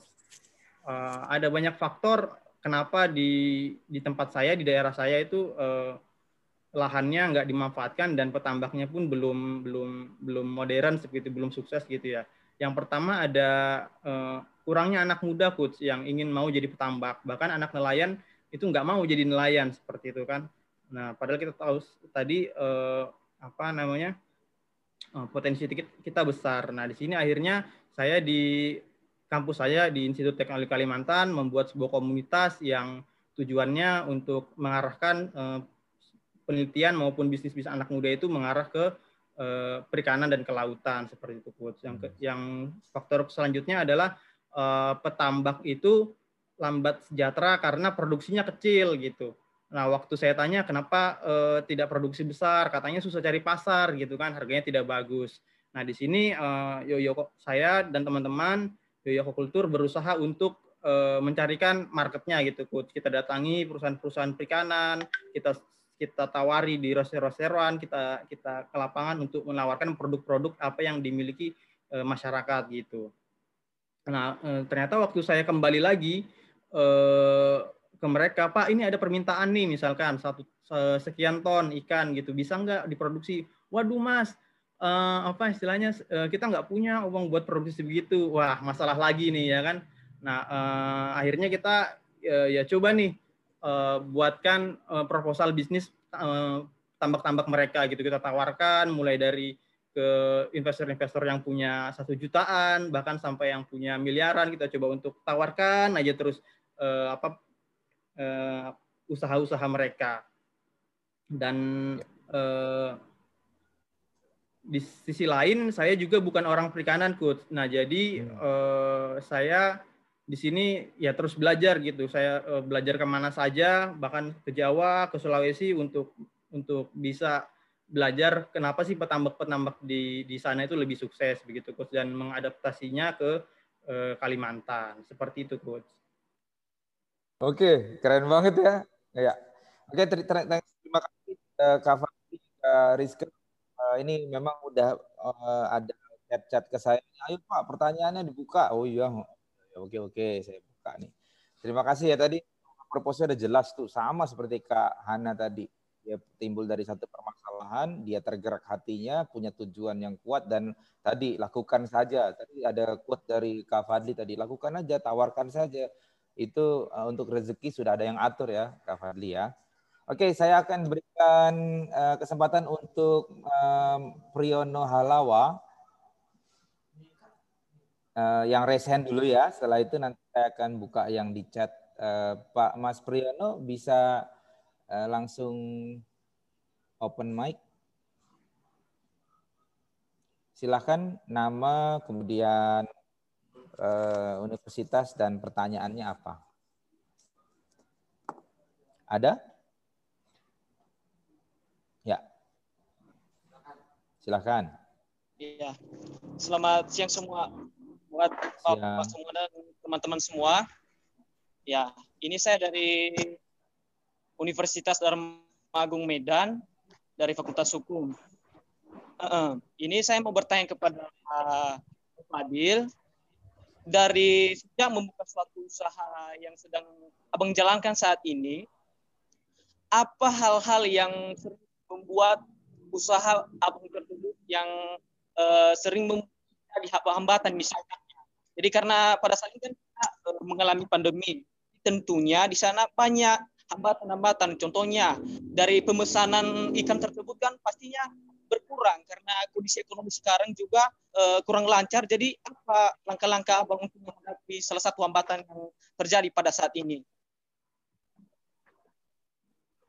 Oke, ya cukup.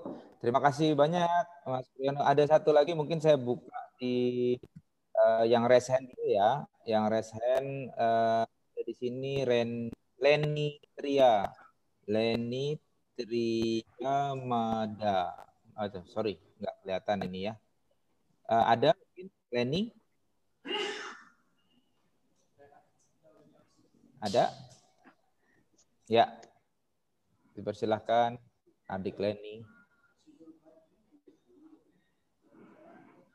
Mana ini? Oke. Ini kayaknya nggak ada ya.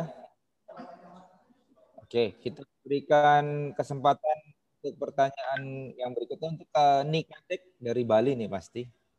Bukan dari balik papa nih pasti. Oh, ini ada, sorry. Oh, ada Purnama Purnama Sari ya tadi ya. Oke. Ini yang duluan yang mana ya? Bisa tadi Oh, Gustian Roni. Yang paling atas itu yang mana? Gustian Roni ya? Gustian Roni ya? Oke, oke, sorry. Gustian Roni dulu, mohon maaf. Saya ngelihatnya yang ada di gambar, bukan yang ada di participant list. Mohon maaf. Gustian Roni mungkin. Tidak bisa, Pak. Assalamualaikum warahmatullahi wabarakatuh. Waalaikumsalam warahmatullahi wabarakatuh. Jadi yang mau saya tanyakan itu dari mana Gus Gustian?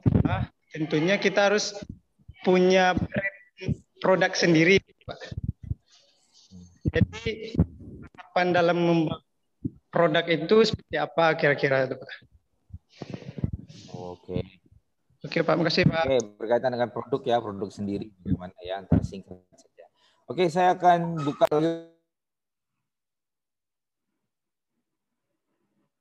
mute mute maaf, maaf. Ya, uh, dari chat ya pertama, nah ini dia. Untuk Kak Rizka dari Ramolo Berutu, Berutu ya, dari Universitas Dharma Agung juga, bertanya mengenai seberapa besar modal buat kakak serta uh, bersama siapa kakak mengembangkan aplikasi gitu, bagaimana mewujudkannya gitu kak.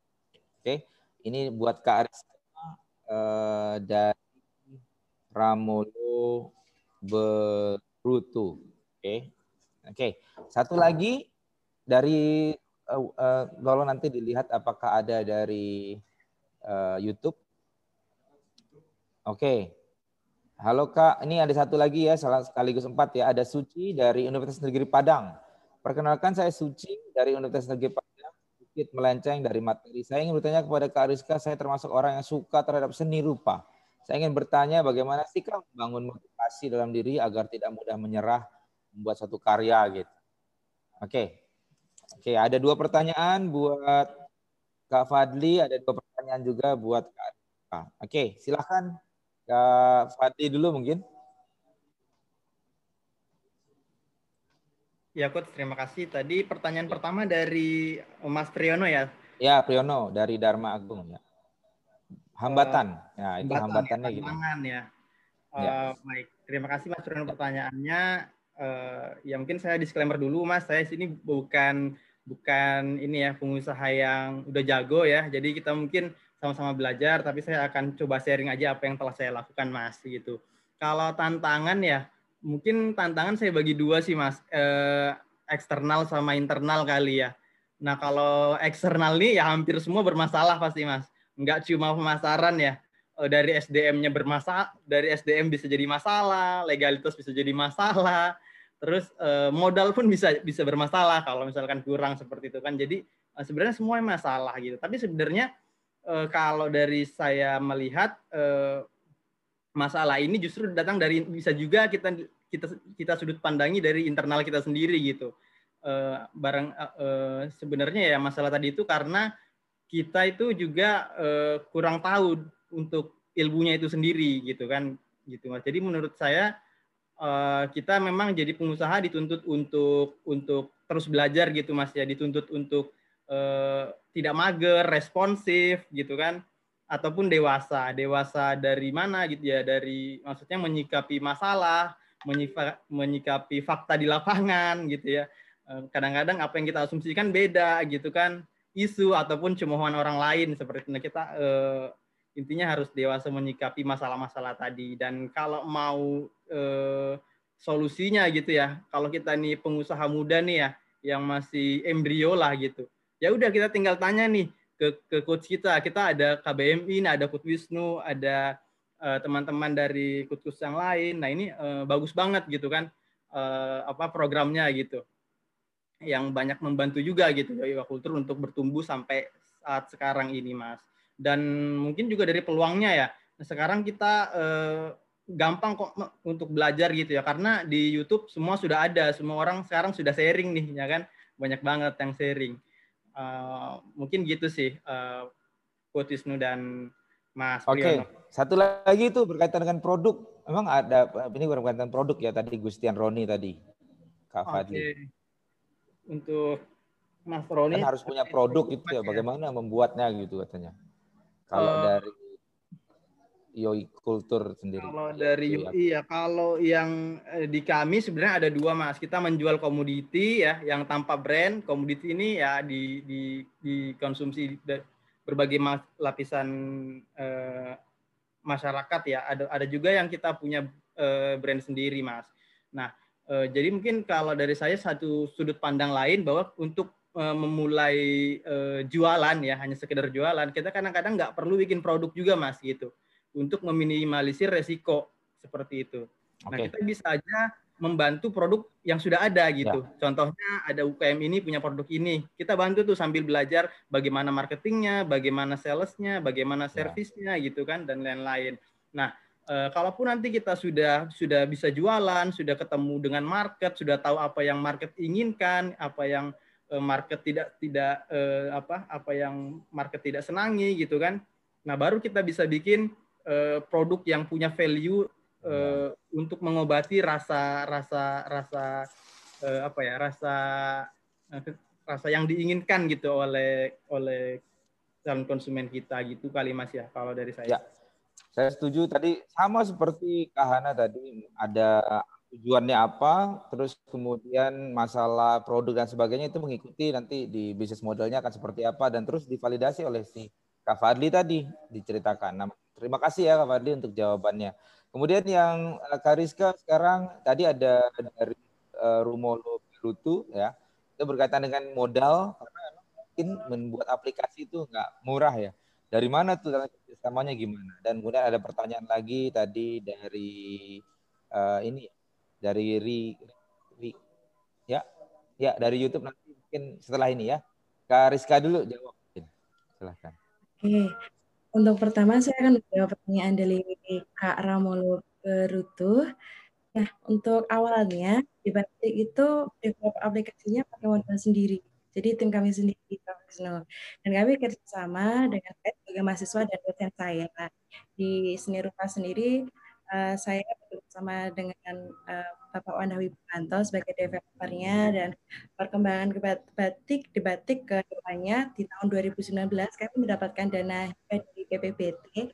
Mungkin nanti teman-teman semua ini bisa cek apa itu PPBT. Jadi banyak sekali pendanaan dari pemerintah. Selain itu perjalanan untuk ke depannya sampai saat ini, eh, bagaimana cara saya kerjasama dengan pemerintah itu dengan saya apply kegiatan yang diadakan oleh pemerintah. Misalnya dari Kemenperin mengadakan acara Saraf for Industry, akhirnya saya apply di situ, akhirnya saya bisa bekerja sama. Saya mendapatkan data dari Kemenperin untuk batik-batik di seluruh Indonesia. Seperti itu, uh, Kak Ramolo. Untuk pertanyaan yang kedua, atau langsung saja, ya. gimana ke sini? Si Rahmadini ya. Oke. Okay, dari Padang. Yang uh, katanya tadi bagaimana sih karena karena ini juga ini juga ya tertarik dengan sini juga bagaimana tuh motivasinya supaya kita tidak mudah menyerah gitu membuat satu karya katanya gitu. Untuk tidak cepat menyerah itu kembali lagi ke diri kita sebenarnya ditanya dulu kepada diri kita saya itu maunya apa sih? Apakah saya benar-benar gigih untuk mencapai kemauan saya? Nah, biasanya khususnya anak-anak seni rupa, kita anak seni itu lebih mengedepankan mood seperti itu. Lebih mood, lebih ke uh, perasaan lah itu. Jadi mungkin buat teman-teman ke depannya usahakan jangan baper. Baper itu bukan ke orang lain tapi ke diri kita sendiri. Jangan baper. Kalau mau berwirausaha itu jangan mementingkan perasaan. Kita harus ke logika dulu usahakan di diri kita itu ya di, di manage lah mana perasaannya, mana logikanya. Jadi usahakan jangan baper itu kunci utamanya. Kalau nggak baper nanti insya Allah ke depannya kita bakal produktif. jangan baperan ya. Wah, ini.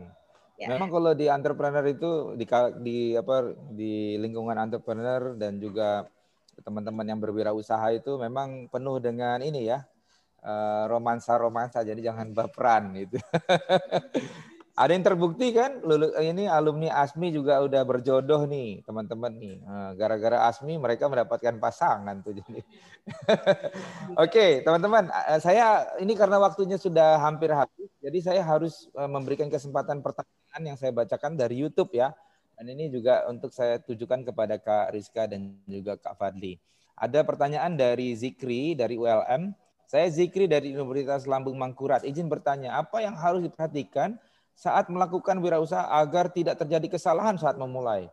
Kita udah punya tujuan mulia bagus, tapi gimana cara mulainya? Mulainya dari mana gitu? Nah, itu yang pertama. Kemudian yang kedua, itu adalah Haryanto ya dari Universitas Pasir Pengarayan Rokan Hulu. Nah, ini dulu saya pernah lama di sini nih.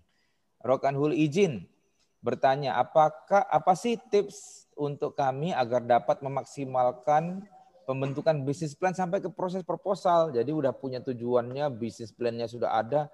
Tapi gimana tuh ya menjalankannya? Kalau di sini dibilang sampai proses proposal gitu. Nah, saya rasa itu saja ya. Yang lainnya ini udah, ini udah, ini komentar komentar-komentar ini. Nah, kita doakan yang memberikan komentar yang baik-baik akan mendapatkan eh, keberkahan buat semua. Ini komentarnya bagus-bagus, keren banget banget. Katanya Mbak Rizka cantik banget tuh ada di situ tuh. Ada juga Kak Fadli keren banget. Nah ini kita ya buat bisa seperti Kak Rizka dan juga Kak Fadli. Silahkan uh, Kak Rizka, Kak Fadli dijawab pertanyaan dari YouTube dari Rizikri dan Haryanto. Ya, dua pertanyaan ini saja buat kakak-kakak berdua. Uh, Kak Rizka dulu mungkin Oke. Boleh? Untuk yang pertama, tadi lebih ke gim, tanya dulu ah gimana ya? Tadi pertanyaan pertama bagaimana? ya supaya ini uh, dia udah punya tujuannya dia udah punya apa niatnya gitu ya. Tapi supaya nggak salah saat memulai gimana caranya gitu? Jadi untuk pertama pertama pertama kali yang harus dilakukan hmm. itu kepada tanya diri sendiri sendiri jangan uh, kayak mindset ke mindset pola pikir kita dulu. Untuk memulai jangan takut kalau ke depannya salah. Justru kalau ke depannya salah kita bisa belajar dari kesalahan itu. Untuk berkembang itu biasanya lebih banyak kesalahan itu semakin bagus. Semakin banyak kesalahan kita bisa develop semakin besar juga seperti itu sih yang saya alami juga ke Swiss itu. Oke, kalau yang dari Hari Antoni, eh, apa sih tipsnya agar kami maksimal dalam pembentukan bisnis plan? Dulu bikin bisnis plan gimana caranya supaya lolos katanya ke beberapa tadi eh, program-program pemerintah gitu, Kariska? Untuk bisnis plan, yang pertama kan untuk uh, bisnis model itu seperti itu kan berkembang ya ke Jadi nggak cuma satu pintu aja, jadi berbagai pintu dari seperti Kak Hana uh, ada seribu cara pasti ada seribu satu cara lagi. Jadi kada, caranya itu coba terus. Jadi uh, misalnya uh, kakak punya satu bisnis model ternyata refleksinya nggak nggak terlalu bagus nih. Ternyata datanya tidak terlalu mendukung coba lagi untuk yang lainnya. Jadi nggak cuma satu pintu aja. Jadi bis, bisnis plan atau bisnis model itu ditemukan secara uh, berjalannya seiring berjalan kita seperti itu. Ya. Berarti memang kalau ada kesalahan sudah pasti ya, berarti ya kesalahan-kesalahan kecil, besar gitu. Tapi bagaimana kita menyikapinya ya Kak Rizka ya? Iya. Oke, sip. Nah kalau dari Kak Fadli gimana? Pertanyaan dari Zikri dan Haryanto mungkin terakhir ini. Ya, terima kasih banyak uh, Mas Zikri pertanyaannya. Uh, tadi kalau dilihat ya berarti Mas Zikri ini udah mindsetnya udah getol nih, udah mantep nih jadi pengusaha nih. Nah, gimana supaya kegagalannya terminimalisir gitu kan? Kegagalan terminimalisir. Nah, kalau yang pertama mungkin saya ilmunya sih Mas. Kita terus belajar gitu ya. Uh, dari mana aja tadi saya sebutkan YouTube, kita uh, bisa belajar dari buku, ya kan dan lain-lain. Terus yang kedua mungkin kom lingkungan Mas, karena uh, kita itu lebih semangat kalau uh, punya punya lingkungan yang semangat juga dalam berwirausaha. Jadi saya sarankan untuk berkomunitas Mas begitu. Jadi uh, ada yang semangati gitu kan. Dan di situ nanti punya punya teman gitu kan, punya teman pengusaha bisa belajar juga dari situ. Yang terakhir mungkin wajib punya mentor gitu. Kenapa punya mentor? Supaya kesalahan-kesalahan yang mentor kita pernah lakukan, kita udah pernah dengar dan kita bisa antisipasi untuk tidak melakukan kesalahan yang serupa dengan mentor kita. Seperti itu. Mungkin gitu, Coach. Oke. Okay. Sudah ya berarti ya Kak uh, Mas Van Zikri dan Mas Haryanto tadi sudah terjawab. Oke, saya rasa ini adalah akhir dari pertemuan kita atau pembicaraan kita.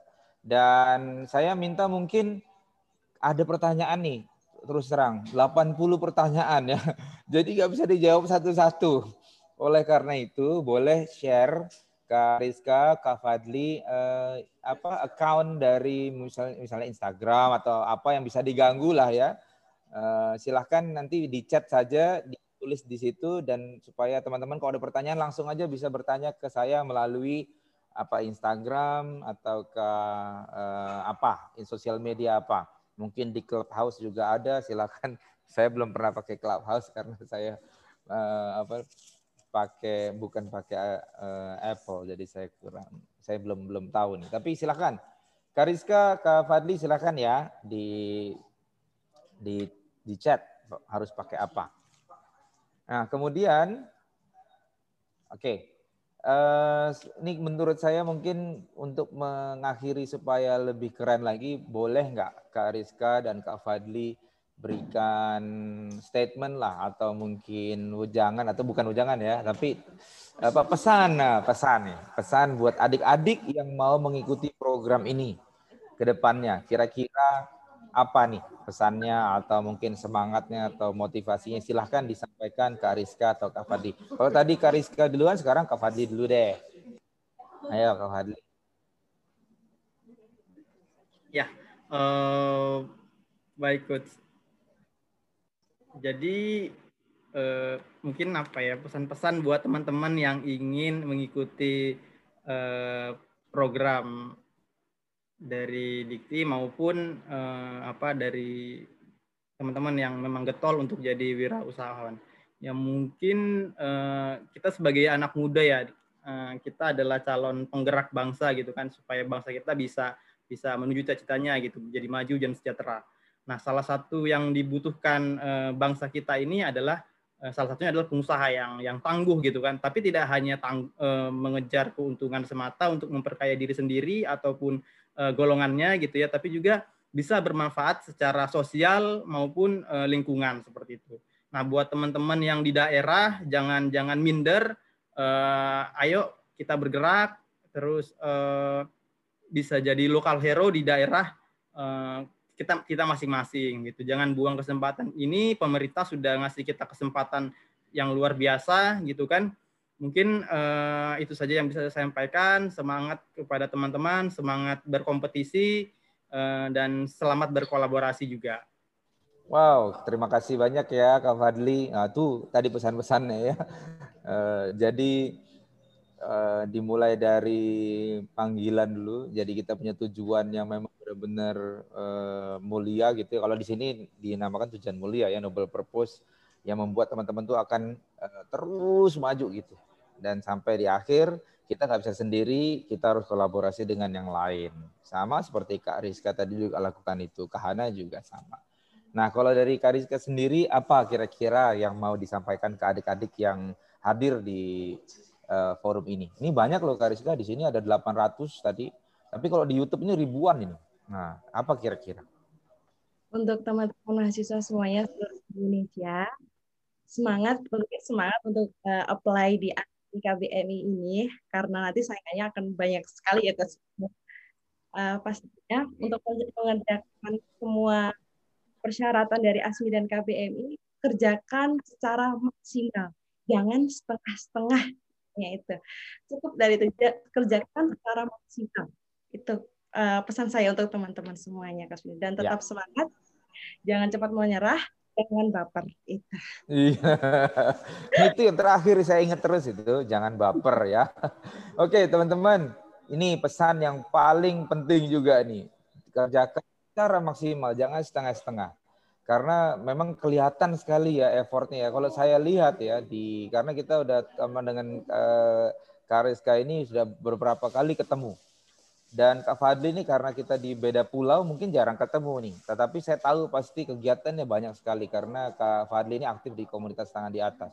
Nah kalau di Kariska ini ya teman-teman ya, setiap saya ketemu di kompetisi apa pun ada dia gitu bingung ketemu lagi lah ada lagi ada lagi dia ada terus terus kapan berhentinya Kariska gitu saya bilang iya nih uh, ini harus ini ya iya nih jadi pokoknya jadi menang terus lah. Terus saya ledekin kapan memenangkan hati orang lain nih Kariska gitu saya bilang gitu.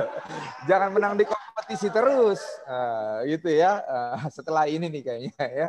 Kemarin katanya udah izin. Nah Oh ya, saya kira itu kali salah satu ya untuk tujuan berikutnya ya, memenangkan hati orang lain. Nah, gitu ya. Oke, uh, saya rasa itu saja. Jadi jangan jangan eh, saya tahu ya eh, mungkin dalam pengisian proposal atau membuat pitch deck di ASMI, pengisian proposal di KBMI itu butuh effort ya teman-teman ya. Dan satu pertanyaan yang paling eh, penting dan kemudian ini ditanyakan pertama yang membuat teman-teman tidak akan berhenti untuk terus berusaha adalah tujuannya. Berbisnis itu apa? Nah, di sini dibuktikan dengan Kak Ariska, dengan dia melihat ada permasalahan yang ada di daerahnya, dengan UKM batiknya yang punya masalah banyak, dia selesaikan satu persatu, tidak sekaligus, tetapi dia selesaikan secara bertahap. Begitu juga Kak Fadli. Kak Fadli nanti minta IG-nya katanya gitu tuh. Ada yang ada yang japri ke saya. Kak Rizka juga ada yang minta nanti ya. Dikasih ya teman-teman ya. Kak Fadli eh, dengan tadi ya ngelihat ada permasalahan dia merasa ada tanggung jawab gitu ya untuk memajukan tidak hanya di eh, daerahnya tapi bahkan dari barat eh maaf dari tengah ke timur ya. Kalau nggak salah ya Kak Fadli ya untuk menyelesaikan permasalahan eh, yang ada di wilayah tengah dan timur khususnya petambak. Dan saya tahu Kak Fadli ini dulu bekerja teman-teman. Dia bekerja tetapi dia ada panggilan hati yang kemudian ini eh, benefitnya tidak hanya tidak bahkan lebih dari pada saat dia bekerja. Kalau bekerja mungkin dia mendapatkan sesuatu imbalan dari apa yang dia kerjakan, tetapi pada saat dia keluar dia bisa berbuat sesuatu ke masyarakat, memberikan solusi sekaligus mendapatkan juga uh, pendapatan yang mungkin secara berangsur akan lebih besar bahkan pada saat atau kita bandingkan dengan tempat uh, Kak Fadli bekerja tadi. Oke. Saya rasa itu saja. Terima kasih saya ucapkan. Terima kasih banyak buat Kak Rizka dan juga Kak Fadli uh, untuk uh, waktunya dan partisipasinya, memberikan semangat buat adik-adik semua. Nah itu ada nomor teleponnya sudah ya dikasih sama Kak Fadli. Silahkan, ada 80 pertanyaan lebih tadi silahkan ditanyakan ke Kak Fadli dan juga ke Kak Rizka melalui um, handphone ataukah uh, sosial media uh, Kariska dan Kak Fadli. Terima kasih atas partisipasinya dan terima kasih saya ucapkan kepada adik-adik mahasiswa yang sudah memenuhi forum ini, yang ada di YouTube juga sehat-sehat uh, selalu ya teman-teman ya. Uh, untuk yang memberikan komentar dan juga pertanyaan yang belum bisa dijawab, silahkan langsung ditanyakan ke Kak Rizka, ke Kak Fadli, dan juga Kak Hana. Kak Hana tinggal dicari aja, sekarang di googling tuh banyak sekali pastinya. Kalau di Instagram juga ada juga, silahkan langsung uh, ditanyakan. Oke, okay? Uh, dengan demikian mungkin uh, saya tutup ya uh, forum ini dan diskusi ini atau entrepreneurial, entrepreneurial talk kita uh, pada siang hari ini. saya ucapkan kembali lagi uh, selamat berkarya buat adik-adik semua di seluruh Indonesia dan jangan lupa masih ada waktu untuk submit uh, proposal di ASMI maupun KBMI ya dan usahakan itu secara maksimal. Terima kasih. Terima kasih banyak ya Kak Rizka, terima kasih banyak Kak Fadli, terima kasih teman-teman panitia dari Belmawa, tim PKMI.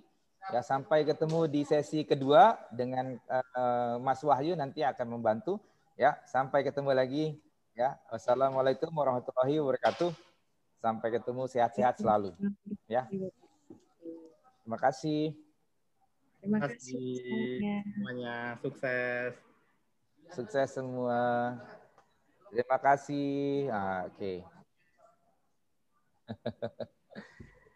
Oke. Okay. Ya, Terima kasih ya Kak Fadli, Kak Rizka, sukses, sukses selalu. Ya, ditunggu undangannya ya. Ya.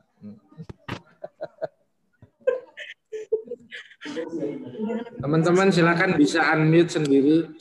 Oke, silakan ini bisa di unmute. Kalau mau foto-foto boleh. Kita mau pakai foto ya. Saya pada saat foto-foto nggak pernah dicetak ini kan. Nanti kita cetak coach. Dan kita capture tapi nggak pernah dilihat ya. Ya makasih Kak Ana. Kak Fadli, makasih. Coach Wisnu, makasih. Makasih banyak. Kak, materinya. Wah, Coach, followers saya ya. naik. Naik, Coach. Followernya naik katanya. Ya, rame. Wow. Ini kalau apa ya? Apa itu istilahnya? Ya, terima kasih banyak. Teman-teman jangan lupa like, subscribe di Jendikti. Oh iya, ya di Jendikti. Uh, silahkan. Dan presensinya tadi sudah diberikan informasinya ya, dari jangan lupa ya. absen. Absensinya di mana? Udah udah di share. Oh udah. Ya. Oh bisa di unmute. Nanti untuk Kapati. Nah. Untuk uh, link Zoom yang kedua akan segera disampaikan di grup. Sertifikat nanti coy, sertifikat.